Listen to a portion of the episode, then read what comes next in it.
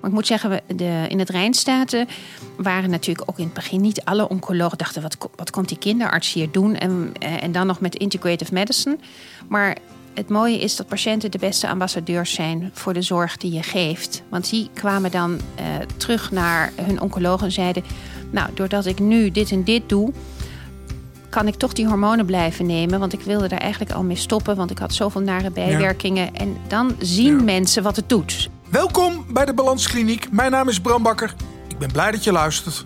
En vandaag praat ik met Ines von Rosenstiel, die de integrative medicine in Nederland heeft grootgebracht, geïntroduceerd. In ieder geval al jaren daarmee bezig is. Wat is dat integrative medicine en waarom is dat zo hard nodig in onze zorg? Ines, ik dacht, ik, ik, weet, ik weet een klein beetje van jou, maar jij bent op een eh, borreltje of een receptie. En dan vragen de mensen: wat, eh, wat doe je nou precies qua werk? Wat, wat zeg je dan? Nou, dan zeg ik dat ik eh, ehm, een hele leuke baan heb, omdat ik gewoon drie verschillende dingen doe. Ik ben aan de ene kant eh, kinderarts. Dat is mijn basisspecialisme. En daarnaast ehm, doe ik integrative medicine. Dan moet ik altijd wel even uitleggen wat dat is. En sinds kort doe ik ook leefstijlgeneeskunde. Oké, en, en het zijn drie verschillende afdelingen. Het eh, is hetzelfde ziekenhuis, maar in principe drie verschillende onderafdelingen. Dus ik word, heb ook een, eh, een wat ingewikkelde aanstelling. Dus, dus je moet je uren verdelen tussen kinderarts, integrated en leefstijl. Ja, helemaal waar. En, en het is allemaal dezelfde baan in hetzelfde ziekenhuis in Arnhem. In Arnhem. Ja. Nou, dat is, dat is voer voor, voor meer dan een uur, ben ik bang. Ehm, dat, dat integrated medicine, daar, daar sloeg ik op aan. Maar misschien moeten we toch nog even beginnen bij kinderarts. Want dat was je waarschijnlijk eerder, of niet? Ja, ik eh, wist eigenlijk al in de studie geneeskunde dat ik graag iets wilde doen eh, met kinderen. Want die staan voor mij echt voor veerkracht. Ik dacht eerst nog aan kinderpsychiater of eh, kinderarts. Nou, het werd uiteindelijk kindergeneeskunde. En ehm, de, het eerste, zeg maar, tien jaar was ik echt helemaal gefascineerd door de acute geneeskunde. Dus ehm, eh, het snelle werk, neonatologie. De blinde darmpjes. Nou, eh, meer ook de, de, de, de trauma's, aangereden kinderen. Dus het werd uiteindelijk eh, kinderintensive care in het AMC. En later pas, toen ik ook echt zag dat ehm, van de tien kinderen er toch twee enigszins ehm, ja, gehandicapt of beschadigd uit de intensive care kwamen, ben ik steeds meer me gaan toeleggen op kwaliteit van leven. En dat is eigenlijk een soort rode draad die later ook terugkomt in die integrative medicine. Oké. En, en dat, dat, dat kinderarts, dat zit nog steeds in je DNA. Ja, dat is echt een vak waar ik enorm van hou. Waar ook gewoon, eh, ja, je moet je voorstellen, je hebt een eh, prematuur van, eh, nou, van 27 weken die je in de eerste vier maanden ziet opgroeien, eigenlijk in een ziekenhuis, tot een tiener met zijn hoodie op, Ja. die veel te zwaar is en voor je zit. En uiteindelijk toch wel iets anders wil, omdat hij ook graag een vriendin zou willen hebben. Ja. Dat, dat klinkt al psychosociaal, hè? Een beetje. Zeker. Ehm, nog even een vooroordeel wat ik altijd heb gehad. Want ik heb, ik heb kinderarts overwogen. Ehm, was, is dat met die ouders niet lastig? Ik dacht altijd, ik vind die kinderen leuk, maar dan krijg ik die ouders erbij. Ja, dat, dat is gewoon een drie-eenheid, ouder, kind en arts. En Ja. ehm, nou, op zich eh, geeft dat ook wel... Het hangt er natuurlijk heel erg vanaf vanaf eh, welke leeftijd. Het is heel erg leuk om die tieners gewoon ook echt eh, als zelfstandige mensen te zien... en Ja. de ouders te vragen om buiten de spreekkamer te blijven.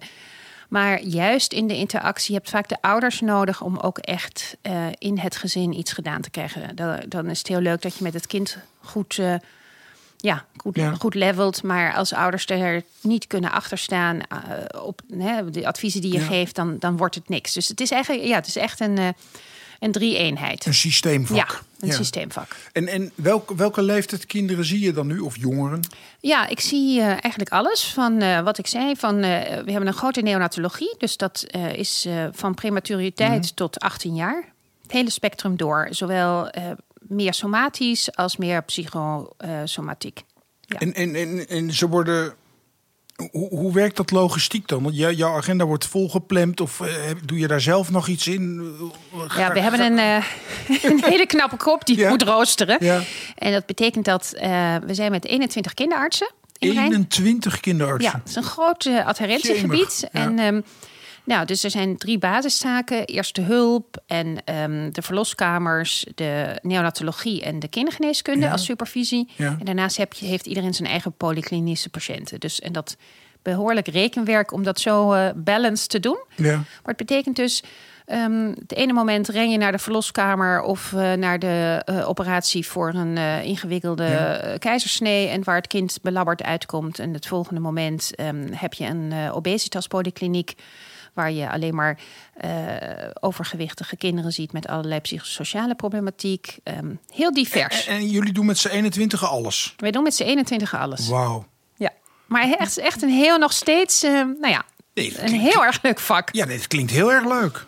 Ja, ik, ik, ik, eh, nee, ik verkeerde in de veronderstelling dat het, dat het dan allemaal wel specialistisch eh, zal zijn opgedeeld. Dus Nee. de een de neonatologie en de ander de pubers met overgewicht. Ja, nee, dat is het leuk. Dat houdt het ook leuk. Dat Ja. je gewoon echt ook. Ik kijk ook elke dag van, oh, waar sta ik vandaag? En dat wordt dan de dag. Ja. Ja. En, en is dat een bijzonder model of is dit wel hoe de kindergeneeskunde in Nederland wordt Nou, ik denk dat de grote klinieken wel ehm, deze roulatie erin hebben. Natuurlijk zijn er altijd mensen die een speciaal aandachtsgebied hebben. Ja. Hè, dus als er bijvoorbeeld een van de andere De kinderartsen. ha- kinderhartchirurgiecentra in ja, het dat, nieuws. dat is natuurlijk Ja. wel heel erg gespecialiseerd. Dus wij doen geen eh kinderhartchirurgie. We doen ook geen oncologie. Dat zit natuurlijk nu allemaal in Utrecht. Dus bepaalde dingen binnen de kindergeneeskunde zijn gecentraliseerd. Dan noem je net ook twee en ehm, kinderchirurgie. Dat eh, gebeurt ook in de academische centra. Oké. Ja. Hey, en dan het bruggetje, want daar, daar sloeg ik natuurlijk op aan, die, die integrated medicine. Dat, Ja. dat kwam, er, kwam er dus ergens bij. Eh, maar dat beperkt zich niet tot kinderen. Nee, dat, dat, ehm, je, je leest integrated medicine. En je, dus ik ben zelf opgeleid in integrative medicine. Daar zit nog een klein verschil in. Leg het uit, want als ik het al niet begrijp. Nou, integrated is vaak integraal. Dat gaat soms ook om zorgprocessen die op een, een soort Ja. ketenzorgmodel. En eh, integrative medicine is echt gedefinieerd als, als ik hem heel kort definieer, als leefstijlgeneeskunde en evidence-based, dus op bewijs gestoelde, complementaire, dus aanvullende behandelingen. Dus het heeft niets te maken in gewoon Nederlands met alternatieve eh, geneeskunde, want dat gebeurt meestal Ja. buiten de ziekenhuizen. Ja. Maar we weten dat heel veel mensen die eh, gebruik maken van de reguliere zorg in ziekenhuizen en bij de huisarts ook andere dingen daarnaast doen. En vaak complementair, dus aanvullend. Daar, daar, ga- daar Ja. gaan we zo op door. Maar is, heb ik nu goed begrepen dat integrated meer over de procesbewaking gaat en de, en de logistiek? Heel goed, dat Dus- is precies. Oké, dus we moeten het echt hebben over integrative. Integrative medicine. Dat is echt de integratie Ja. van complementair en regulier.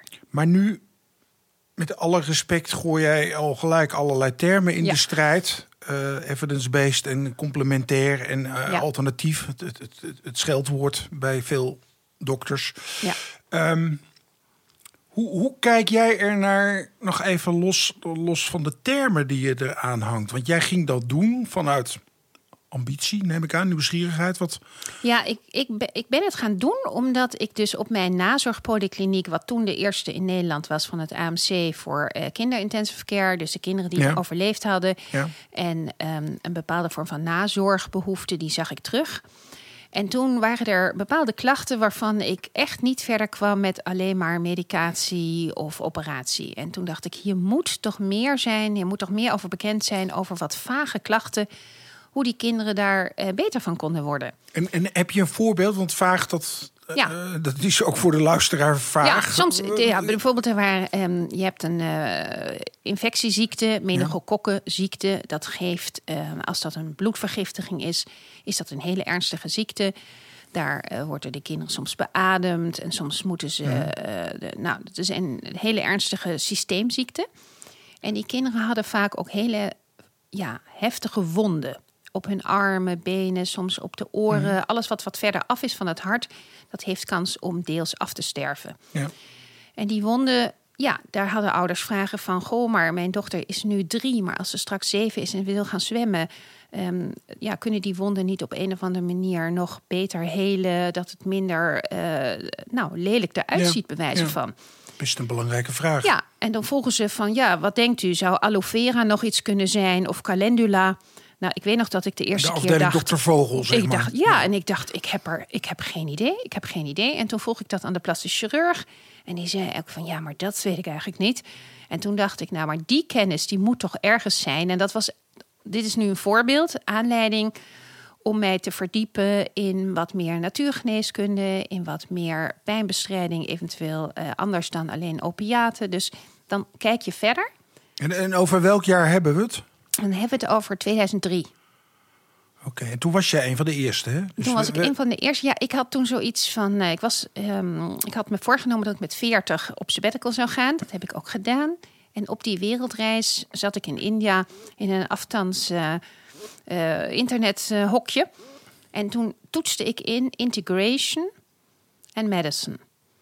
En toen kwam ik uit op integrative medicine, waarvan ik nog zelf nog nooit van had gehoord. Ik was toen het hoofd van de kinder en dacht, nou, dat is toch vreemd dat ik hier nog nooit van heb gehoord. Toen toetste ik in professor en uh, pediatrics. En toen vond ik professor Katie Kemper als eerste hoogleraar integrative pediatrics. Wat gewoon een, ja, een vak was wat kinderartsen al uh, gewoon leerden in Amerika. En toen dacht ik, nou daar moet ik naartoe. En zo is het ook gegaan. Je bent toen naar Amerika gegaan, naar deze? Naar uh, professor Katie Kemper. En die is ook jarenlang mijn mentor geweest. En in Boston Children's ben ik met haar meegelopen en heb gezien dat je dus voor heel veel reguliere klachten ook iets anders kon doen. Wat niet medicamenteus was. En toen dacht ik, ja, dit is wat ik zoek. En dit is prachtig. En dit breng ik terug naar Nederland. En, en hoe lang waren ze daar toen al bezig? Hoe ver liepen wij ja, achter? Ik denk dat ze toen al wel vijf jaar bezig waren binnen de kindergeneeskunde. Maar dus ook nog niet eens heel erg vreselijk lang.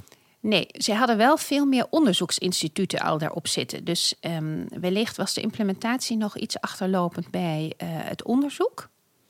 Want hun uh, National Institute of Health, ja. dat is echt al meer dan 35 jaar bezig om deze tak van sport verder te onderzoeken.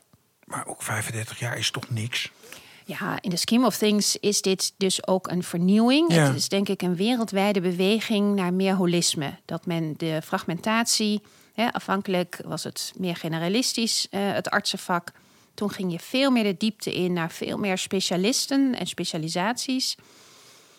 En ging het mensgerichte en ook ja, de, de, het grotere geheel, de Mhm. brede blik, Hm.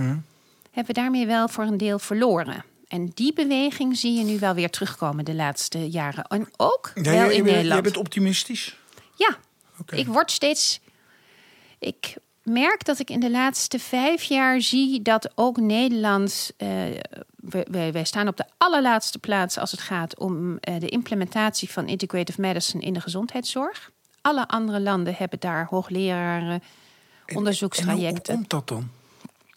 Ja, dat is een hele goede vraag, Bram. Dat, Ja, maar jij loopt, jij, Dat lo- is- jij loopt jaren in dit, in dit veld rond. Ja, ik heb daar wel zo mijn ideeën over. Ik denk dat het. ehm, we hebben op zich een hele goede gezondheidszorg in Nederland. En eh, ik denk als die slechter zou zijn, dan zouden veel meer mensen opstaan en ergens al aan de bel eh, trekken. Ehm, en Du- Dus de kwaliteit van traditioneel zit integrative in de weg, vrij vertaald. voor een deel. En dat er gewoon een hele sterke polarisatie is in Nederland. Ehm, als het niet regulier is, dan moet het wel alternatief zijn. En dat heeft Nederland geen goeds gebracht in deze vernieuwde beweging. Eh, omdat als je eh, ziet. ehm, op congressen heb ik wel eens gezegd: You can better be gay in the Netherlands than to practice integrative medicine. Ja, dat Want- lijkt me een goede... Eh, want Nederland wordt gezien als een, een heel tolerant land. Ja. Echter, als het gaat om introductie van aanvullende behandelingen, zoals ik noem maar ehm, acupunctuur voor pijnbestrijding of eh, massage voor eh, relaxatie, dan wordt dat al heel snel als zweverig of ach, dat is alternatief, daar is geen bewijs voor. Dan krijg je de Vereniging tegen Kwakzalverij over je heen. Zeker. En, en die zijn, die zijn on-Hollands intolerant. Die hebben een bepaalde eh, communicatiestijl Ja, ja. die eh, gewoon heel erg gericht is op blame en shame. Dus om iemand echt als persoon eh, ja, reputatieschade. Dat is een manier om iemand dusdanig zeg maar, aan de schandpaal te nagelen dat je vanzelf ophoudt met hetgene wat jij als vernieuwing ziet. Maar ik denk dat dat. ehm, ja, die, die, die, die vereniging, ik ben daar zelf lid van geweest. Dat is altijd heel gek als ik tegen mensen zeg dat ik als intensive care arts lid was van de vereniging tegen kwakzalverij. Ja, ik was er ook ooit fan van. Ik dacht ook van, uh, die doen het goede. Ja, want jij en ik zijn ook tegen kwakzalverij. Tuurlijk. Ja. en wat je wil is dat je mensen gewoon niet schaadt. En dat je, maar in dat arsenaal waar ik toen in het Slotervaart binnen de kindergeneeskunde mee begon. Mhm. En als je uh, ook terugleest wat er op het net staat over mij en kwakzalverij, is dat ik babymassage heb geïntroduceerd op de afdeling. En dat ik yoga voor kinderen heb geïntroduceerd. En dat dat toch echt kwakzalverij is. Ja, daar ik heb later begrepen dat um, voor de Vereniging van de Kwakzalverij is alles wat zich richt op welzijn, zou geen geneeskunde zijn. Maar dit, ja, goed. En daar, nou, daar verschillen we dus heel Ja. erg eh, van mening. Ja, ja, afwezigheid van ziekte is gezond. Dat is toch een hele kort door de bocht opvatting. Ja, er- je kan daar in het, het, het ingewikkelde eh, van die vereniging is dat, ehm, dat zij. eh, daar wordt heel erg op de emotie gespeeld. En ook, nou, jij kent hoe ze schrijven. ehm, Ja, je, dat- wordt, je wordt bang gemaakt. En men wil, de, Dus je wordt bang gemaakt en dan. dan eh, en, en dat je dan gewoon zelf toch daarmee stopt. Nou, dat is niet gebeurd, want ehm, na twintig jaar, eh, en dit is meerdere malen in mijn eh, loopbaan, Ja. ehm, is dat heeft dat, ja, ze, ze heeft dat veel gespeeld en hoog opgelopen. Tot kamervragen, tot waar de inspectie ehm, eh, allerlei statusonderzoek heeft gedaan en eh, niets konden vinden wat niet eh, bij de ehm, bij mijn reguliere standaard als kinderarts paste. Maar daarmee is het niet opgehouden. Dus twee jaar, of een jaar geleden heb ik een lintje gekregen. Ehm, En toen, toen spraken ze ook schande. en ja. toen schijnt het dat het schande was dat zo iemand zoals ik, zeg maar, officier werd. Nee, dat, dat, ik denk dat deze groep niet die nuance ziet tussen enerzijds ehm, in het spectrum, maar alles gewoon het kind met het badwater weggooit. En ehm, Maar het is, het is toch intens treurig dat Nederland achteraan loopt. En nog even los van of, of het allemaal aan de Vereniging tegen Kwakzalverij is toe te schrijven. Maar nou ja, ja als, je- als je de, de analogie met, met eh, gay zijn trekt... dat je uit de kast moet komen als dokter. Dat je Klopt. van integrative medicine houdt. Ja. Nou, het mooie was toen ik dat op het Amerikaanse congres zei, stond een hoogleraar op, een heel beroemde hoogleraar uit Harvard. En die zei: Then I want to come out of the closet right now. en hij had het zo goed door dat ik dacht: Ja. van ja, ehm, eh, ik heb ook begrepen dat. ehm, op alle inwoners van Nederland en op het artsenbestand dat ehm, relatief veel oud-hoogleraren en politici in die vereniging tegen de kwakzalverij zitten. Dus het heeft alles te maken met lobby. Het is, het is ook heel eh, politiek correct ja. om daarachter te gaan staan.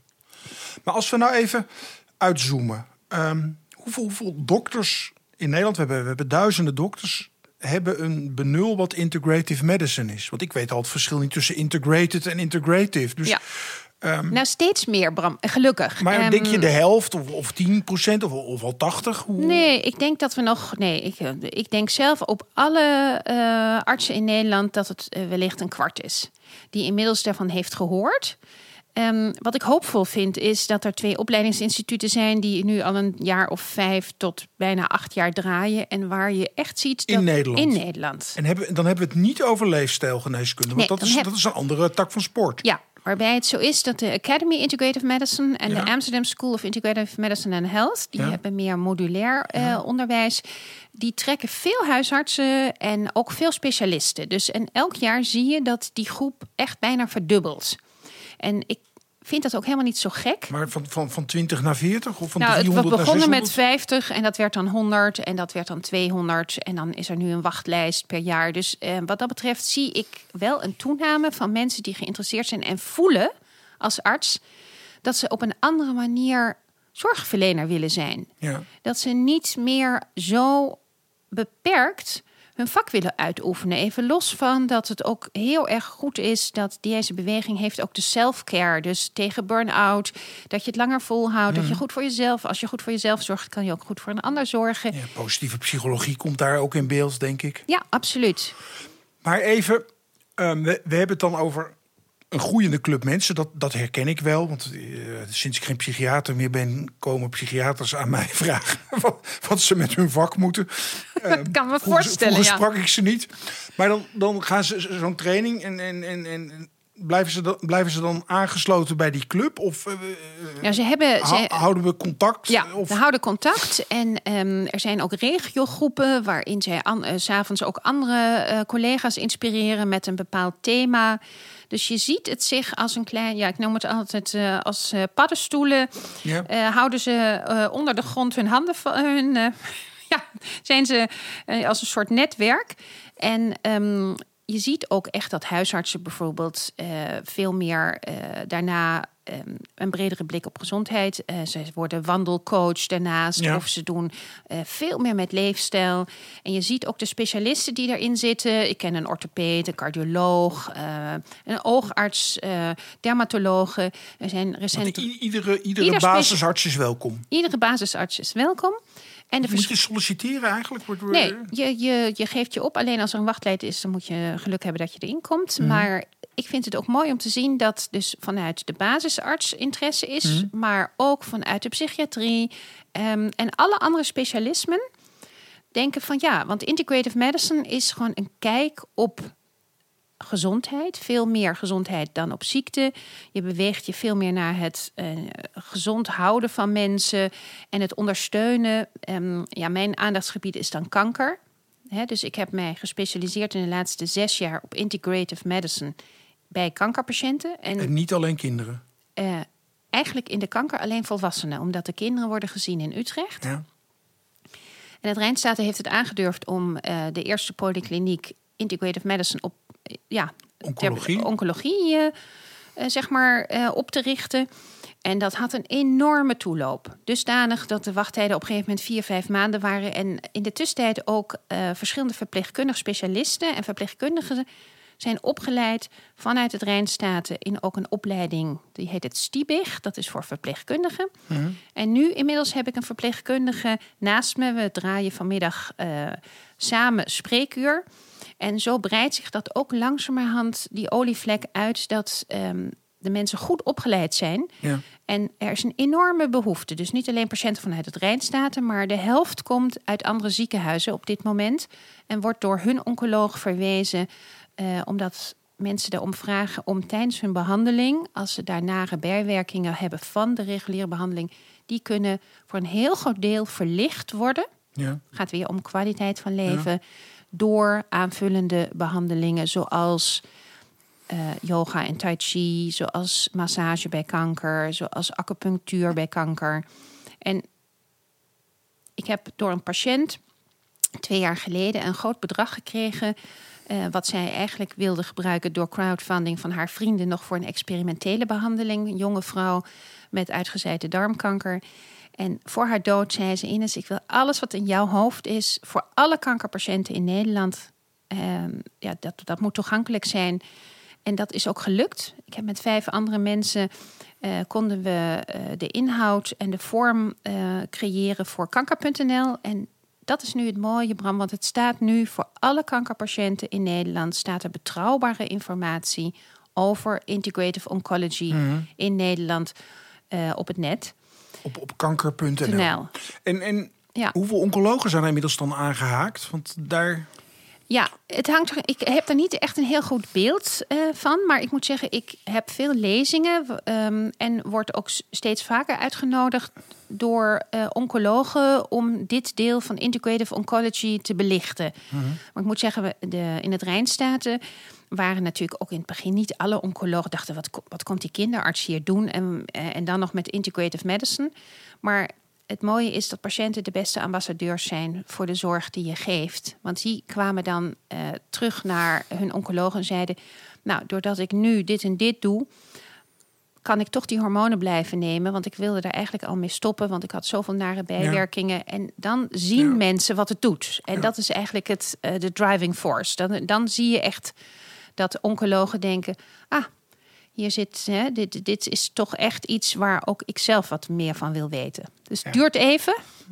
Ja, maar nu heb ik het volgende probleem. Ja. Um, jij, jij uh, wij zijn tegen kwakzalverij. Uh, jij denkt als een dokter, uh, ik ben het niet meer, maar ik, ik, snap het gedachtegoed. En dan krijg je de druk, in mijn termen bijna terreur, dat het evidence-based moet zijn. Terwijl ik denk, die man of vrouw die tegenover mij zit, die heeft er iets aan of niet. Dus de, de behoefte van onze klant, patiënt, hoe je het, wilt noemen, is volgens mij niet primair dat het evidence-based is. Primair dat het aan het gevoel dat, dat, dat je iets nuttigs doet voor jezelf, bijdraagt. En, en hier wordt het ingewikkeld, want dan mag je niks over voeding zeggen, omdat de trial.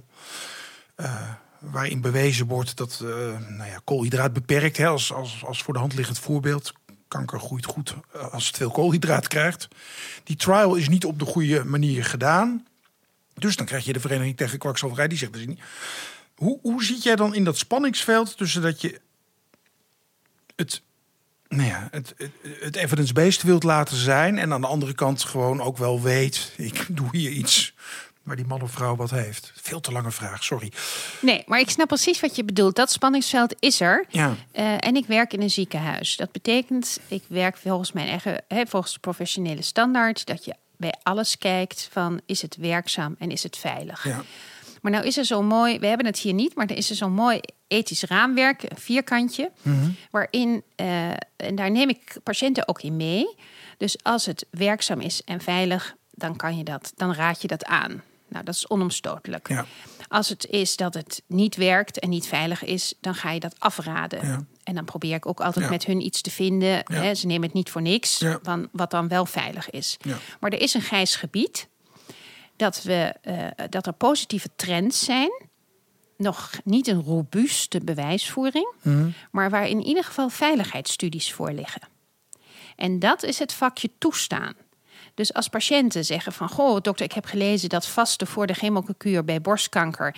ehm, minder bijwerkingen geeft en de kanker sneller laat, eh, kleiner laat worden. Wat vindt u daarvan? Dan zeg ik nou, we hebben nog niet heel erg veel bewijs... maar er is een positieve trend. We weten dat ook van de studies van Hanno Peil uit Leiden. Als u dat graag zou willen, dan verwijs ik u door... naar de diëtisten in Leiden. Dus dan wordt het heel concreet... Ja. Maar ik neem hun dus altijd mee in dat ethische raamwerk. En dat, eh, dat, dat is niet anders voor eh, integrative medicine dan voor eh, regulier. Maar het blijkt een hele goede ehm, ja, handvat te zijn om mensen mee te nemen dat ze zeggen van nou, we weten nog niet 100%, maar het is in ieder geval veilig. Maar of het echt zo werkzaam is zoals eh, u misschien nu denkt, maar als u dat echt wil, dan begeleid ik u daarin. Dus eh, het is dus zwart-wit zou zijn, ik Ja. raad het aan, ik raad het af. Ja. En dan is er nog iets anders. Ik monitor het. Als het niet zo veilig is, moet je soms iets monitoren en toestaan. En dat geeft meer ruimte. Maar het, het, voorbeeld van het vasten, maar ook, ook eh, lichaamsbeweging. Ja. Als, als je in een chemotraject zit. We, we weten toch al voldoende dat het niet gevaarlijk is. Nee, dus en, dan en kan je dan eigenlijk niet. Kijk, als, als ik bij jou met mijn kanker op het spreekuur kom, dan zeg ik ja, eh, wat, wat zou u zelf doen, dokter? Ja, dan, en ik zou jou dan zeggen, Ja. laat, eh, ik zou ten eerste vragen wie zit er voor me. Want ik, ben, ik begin heel anders dan mijn andere anamneses. eh sindsdien ik wat breder kijk van wie zit er eigenlijk voor me. Ik krijg in twee zinnen ehm, of ze getrouwd zijn, kinderen, eh, buiten wonen, in een stad, wat er allemaal speelt. En dan zeg ik van, zou u eerst willen beginnen met eh, uw eigen vragen? Eh, ik heb straks eh, graag, ik wil even met u hebben over voeding, beweging, ontspanning en slaap. Dan komt er ook altijd nog bij de sociale relaties en zinreving. En patiënten vinden dat heel erg prettig als je ze ook meeneemt in die verschillende zes domeinen die ik net noemde. Ja. Omdat we daarvan al weten hoe belangrijk die zijn. Ja. Alleen wordt er vaak gezegd: ja, maar er is geen tijd voor. En er moet al zoveel over die chemo worden verteld. Ehm, dus ik gun elke patiënt een gesprek over leefstijl in brede zin. En dan gaat het altijd over voeding, beweging, ontspanning en slaap. En natuurlijk hebben mensen daar een andere invulling bij Ja. en ook andere wensen. Ja. En daarnaast komen ze zelf vaak nog over dat ze iets hebben gelezen over voedingssupplementen. eh, of dat nog iets toevoegt of juist interacties geeft. En dan vind ik dus ook dat wij als artsen ons deze kennis eigen moeten maken. Want patiënten denken met de beste intentie: ik neem kurkuma bij mijn hormoonbehandeling. eh, Waarvan we weten dat dat nou juist dan ook de hormoonbehandeling tot 40% laat dalen. En dan werkt het dus averechts. Dus ik zeg, als je geen integrative medicine aanbiedt in je ziekenhuis om het, eh, of leefstijlgeneeskunde, dan doe je in feite aan onveilige zorg. Want patiënten doen van alles, maar ze hebben dan geen gids in het reguliere systeem die hun daarmee gewoon aan de hand neemt. Ja. Maar kijk, jij, jij kent ook het boek Kankervrij van William Ja, Kortvriend. zeker. Nou, toen gingen wij alle oncologen in Nederland dat boek bezorgen in de veronderstelling. Dan komt het bij de patiënt, cliënt. Ja. En, en hij, hij is een medicus en heeft het allemaal netjes uitgezocht. Maar dat is niet gebeurd. En, en wat, je, wat je natuurlijk. Wat, wat ingewikkeld is, mensen, mensen gaan dan een beetje googelen. En, en de gemiddelde consument weet natuurlijk niet precies de kwaliteit van, van wat je vindt terwijl je, terwijl je googelt. Ja, Dus we hebben, we hebben een lange weg te gaan, denk ik dan. we hebben zeker een lange Ja. weg te gaan. En het leuke is, als je eh, toen eh, Willem Kortvriend dat boek schreef, ook ik merkte dat je daarin echt een hele voorzichtige balans moet vinden tussen hoe robuust is de evidence, want Ja. daar wordt altijd zo om gevraagd. Ja. Maar ik weet nu dat ik soms dat, dat het soms beter is om te zeggen, nou, er is een positieve trend. Dan neem je zelf ook niet echt een te stellige positie in, Ja. waardoor het iets makkelijker is in de dialoog. En dat vond ik ook heel mooi aan zijn tweede boek, Na Kankervrij, Het handboek. het handboek. Want daarin staan eh, hele mooie voorbeelden van patiënten zelf, maar ook heel goed uitgelegd van wat een ieder kan doen met voeding, beweging, ontspanning, slaap, sociale contacten en ook het zingevingsstuk. Een prachtig boek. Dus ehm, bij mij liggen ze op de spreekkamer. Met dat ik toen ook tegen Willem zei: het eerste boek had iets minder stellig gekund, omdat ik merk het. Eerst probeer je te verdedigen. Ja, dit is de harde, harde evidence. Ja. En dan blijf je in die evidence eh, discussie hangen. Ja, die, die spitsen zich dan heel snel toe op de voeding. Precies. Wat, wat over het bewegen, daar is eigenlijk Klopt. niet zo heel veel over te Daar, betwisten. daar is iedereen het wel Ja, over eens. ja, hè? ja. En dat is in Nederland ook wel heel erg goed eh, eh, ja, omarmd. En, ehm, maar wat ik ook merk, wat, wat, wat voor patiënten gewoon echt een eye-opener is, dat ehm, die 10 minuten diepe ontspanning per dag, of dat nu mindfulness is, of ehm, ademhalingsoefening, of Mhm. eh, wat meer lichaamsgericht, dat dat mensen zeggen: Oh ja, maar dokter, dat, dat merk ik dat ik daar. Ik loop eigenlijk als een soort. ehm, ja, ik sta aan, ik wil overleven. Maar als ik goed naar mezelf kijk, dan merk ik hoeveel stress ik heb. En dat terugpakken van ehm, mensen aan de hand nemen. En eh, het Radboud heeft bijvoorbeeld een prachtig. ehm, twintig eh, korte geluidsfragmenten. En eh, die zijn voor iedereen toegankelijk. En die worden ook heel erg omarmd door patiënten. Ook politiemannen uit het leger die eerst zeiden van ja, allemaal zweverig. En, maar dan komen ze terug en dan zeggen ze... het heeft me zo goed gedaan dat u daar eventjes op inging. dat Eh, want dat is die stress stopt. ja, want dat is een ondergeschoven kindje. Dus wat dat betreft denk ik dat we in Nederland wel hoopvol mogen zijn dat ook binnen de oncologie, doordat patiënten iets teruggeven wat hun goed doet, Ja. dat het veld om met elkaar in dialoog te gaan en eh, in ieder geval leefstijl als onderdeel van eh, de behandeling te zien, dat we daar echt stappen in maken. Ja. Maar Ja. nu ga ik nog, toch nog één dilemma aan je voorleggen. Want evidence-based, dat, dat vinden wij oké. Maar de evidence in de oncologie is natuurlijk heel grotendeels bepaald door belanghebbende partijen. Waardoor er volgens mij een bias is ontstaan in de richting van chemotherapie. Terwijl het onderzoek wat, wat laat zien dat, dat je prognose misschien wel gunstiger te beïnvloeden is door die stress uit te bannen. Dat onderzoek hebben we niet. Dus we, we krijgen mensen die hebben uitgezaaide darmkanker. Chemo, chemo, chemo. Daar zijn data voor. Maar misschien als je in een vroegtijdig stadium besluit niet chemo, maar alles aan mijn leefstijl. Zou het zomaar kunnen dat je, dat je even lang of langer leeft. Of met meer kwaliteit van leven. Hoe, Ja, ga- die- hoe gaan we dat dilemma... Hoe, wat moeten we daarmee? Nou ja, ik denk dat, dat de onderzoeken die er nu zijn over bijvoorbeeld de preha- eh, prehabilitatie, dus de mensen die. ehm, dar- Rehabilitatie? ja, dus de mensen die darmkanker hebben, ja. Die uh, krijgen nu in veel ziekenhuizen een traject aangeboden. Vier weken van tevoren, als ze toch nog moeten wachten voordat ze geopereerd worden. Sporten, goede voeding, veel eiwit, een stuk ontspanning. Wat Som... bij de heupoperaties ja, ook, ook aan het promoten Precies. zijn. En dan, dan zie je al dat, deze, dat die, die groep gaat gezonder de operatie in. Ja. En daarop zie je ook minder complicaties. Dus ik denk dat het gedachtegoed van wat kunnen we beïnvloeden, hetzelfde geldt natuurlijk voor preventie. Als je ziet dat we 40% van alle kankers zouden kunnen voorkomen door een gezonde leefstijl. Dat geeft toch echt te denken. En, en, en dit durf je gewoon zoals een hardfeit neer te leggen. De Vereniging tegen ja. Kwakzalverij gaat jou niet afschieten. Waar baseert u die 40% op? Nee, ik denk dat dat uh, inmiddels um, met de stand van de wetenschap in 2023 zo is dat we 40% van alle kankers zouden kunnen voorkomen door een gezonde leefstijl. En, en hoeveel dokters weten dit? Want 25% kent integrative medicine. Hoe, ja. Hoeveel dokters weten dit?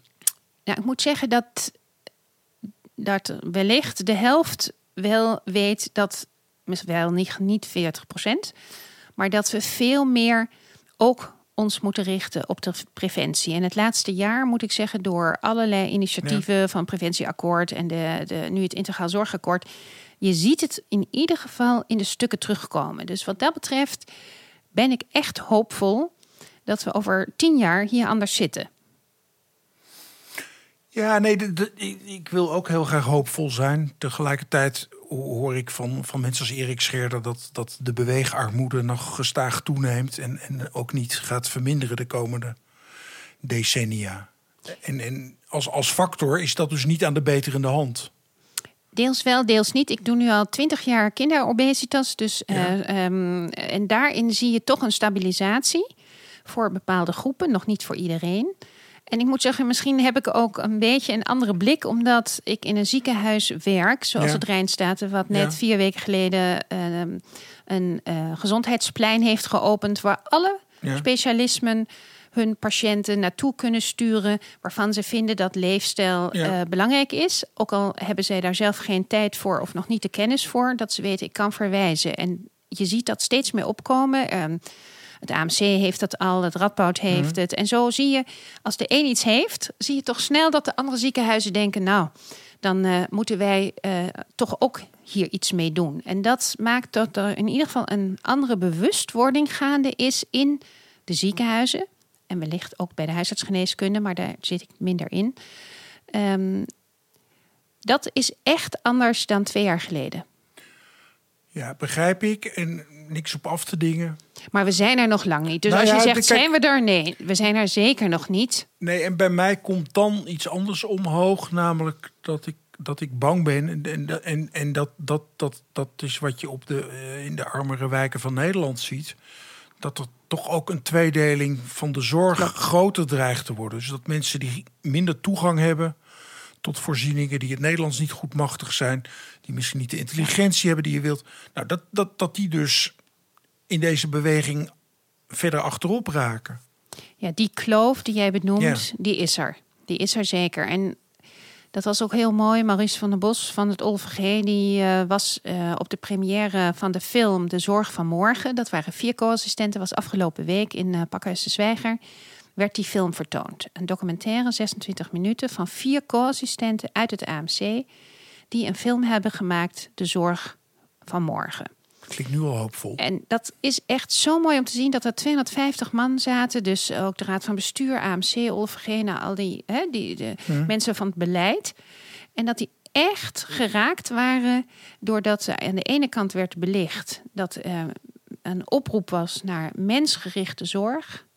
Meer tijd voor degene die voor je is, een bredere blik. En laten wij nou ook als zorgverleners die wijken ingaan en gewoon zorgen dat die kloof die er is, dat we daarin met een ja, voor hun adequate en waar ze echt iets mee kunnen, informatie over gezonde voeding, wat haalbaar is voor hun. ik doe bijvoorbeeld uh, obesitas poli al heel lang en dan is er een appje dat je na vieren de lekkerste salades kan ophalen met um, tegen verspilling ben ik even de naam van de app kwijt. Dat is natuurlijk nu stom. Ehm, maar eh, als ik die app laat zien die ik op mijn telefoontje heb tegen mensen zeggen van, nou, als u zich daar aanmeldt, dan kunt u gewoon na Ja. vier uur het allemaal ophalen.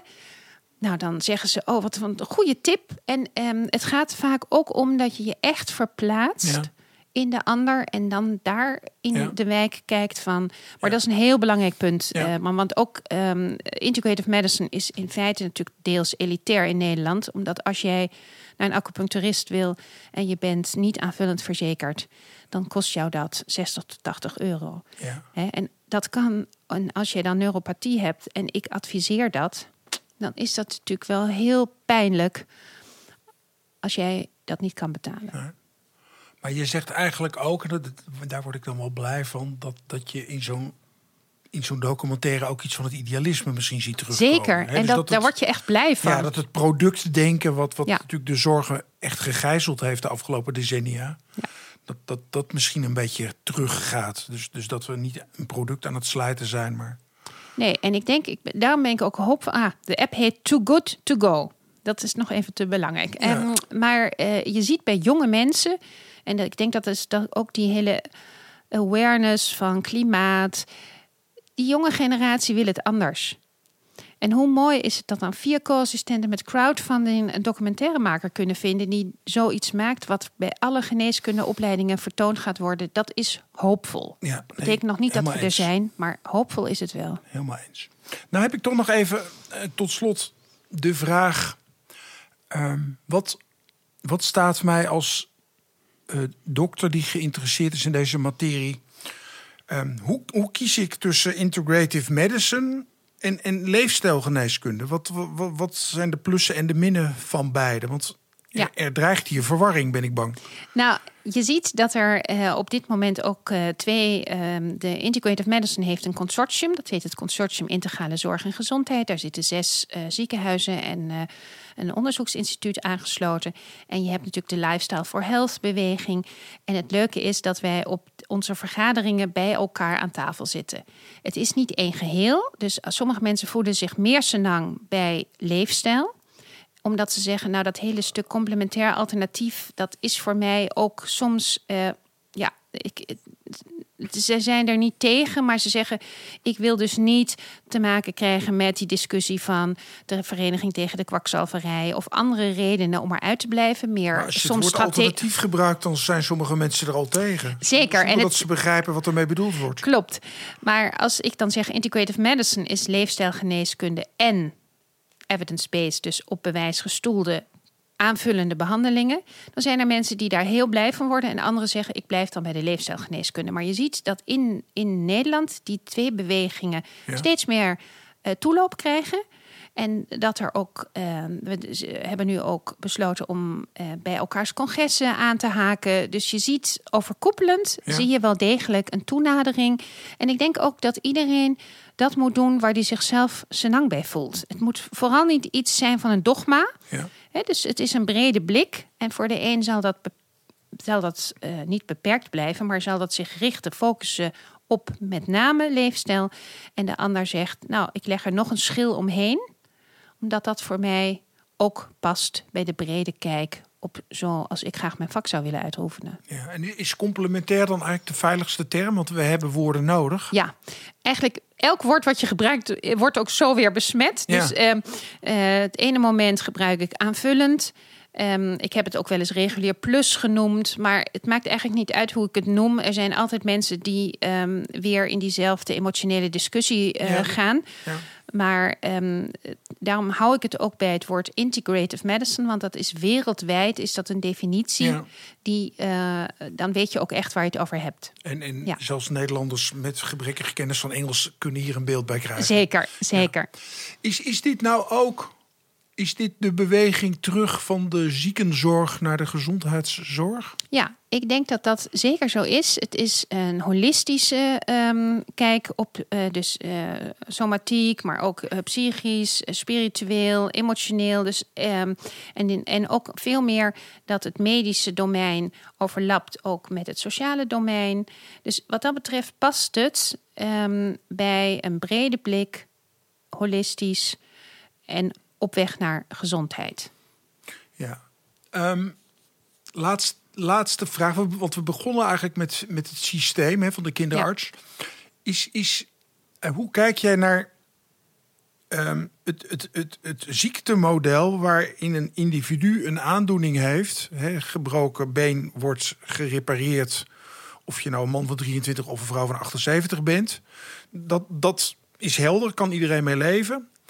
Um, hoe zeg maar in de, in de reguliere individu-gerichte uh, zorg de, het, het, systeem, dus de context, uh, nou ja, buiten beeld blijft of op, op, op de achtergrond dreigt te raken? Ja, ik moet zeggen, als kinderarts Ja. heb je een holistisch vak. Ja, en Je dan hebt kijk al- je altijd naar Je het systeem. kijkt altijd naar het systeem. Of dat nu de ouders, de school, de grootouders zijn, ehm, eh, de hobby's van het kind. Dus wat dat betreft ehm, verbaast het me ook niet dat met name zeg maar, de kindergeneeskunde, de oncologie en de psychiatrie de drie voorlopende specialismen zijn in Nederland. En de pijngeneeskunde, die vier, die toch meer in een systeem denken en kijken. Ja. Ja. En, en denk begrijpen dat, dat, dat je tekort schiet door het individu uit zijn Context, context te halen. halen. Ja, zeker. Oké, nou we, we zijn het eens. Hè? Het, eh, Ja, over de. een, een, een, een boek over alles eh, wat jij hier eh, met ons hebt gedeeld gaat er nog komen. Leuk luisteraars. Ehm, voor nu dank ik je heel hartelijk en succes met je oncologie spreekuur. Dankjewel, Later Bram. deze dag. Ja, dankjewel.